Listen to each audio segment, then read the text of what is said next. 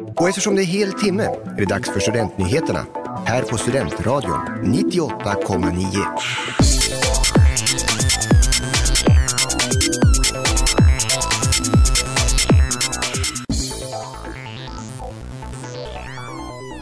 Uppsala studentkår förlorar medlemmar. Hiss vid slottet. Coronatest på Arlanda och rymdsond på Mars. Det här är veckans nyheter. Uppsala studentkår har förlorat många medlemmar det senaste året. Det rapporterar Ergo.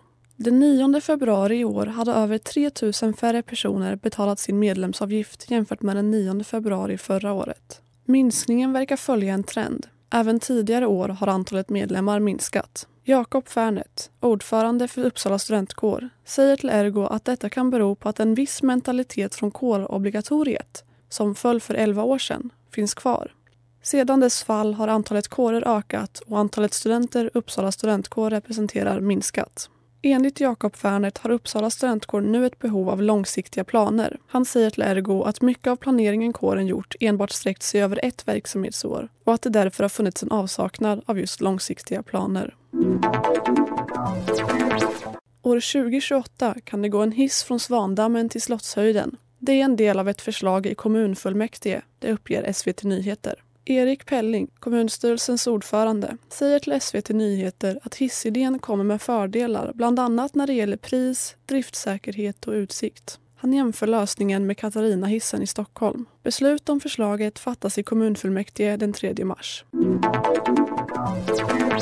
Uppsalabor kan börja testas för corona vid ankomst från utlandet på Arlanda. Det vill Region Uppsala, meddelar P4 Uppland. Region Stockholm testar redan stockholmare på Arlanda och en dialog pågår mellan Region Stockholm och Region Uppsala om ett möjligt samarbete. Fredrik Zettergren, verksamhetsområdeschef vid Nära vård och hälsa i Region Uppsala, säger till P4 Uppland att det kan vara betydelsefullt att förenkla coronatestning för länsinvånare som återvänder från resor eftersom alla inte vet om reglerna som finns. På torsdagskvällen i förra veckan landade rymdsonden Perseverance på Mars. Rymdsonden har rest i sex månader för att nå den röda planeten men förberedelserna har pågått i åratal.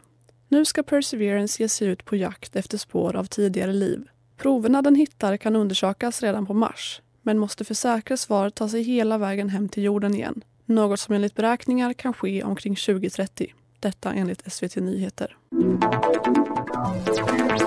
Du har lyssnat på nyheterna i Studentradio 98,9 med Elvira Oberger.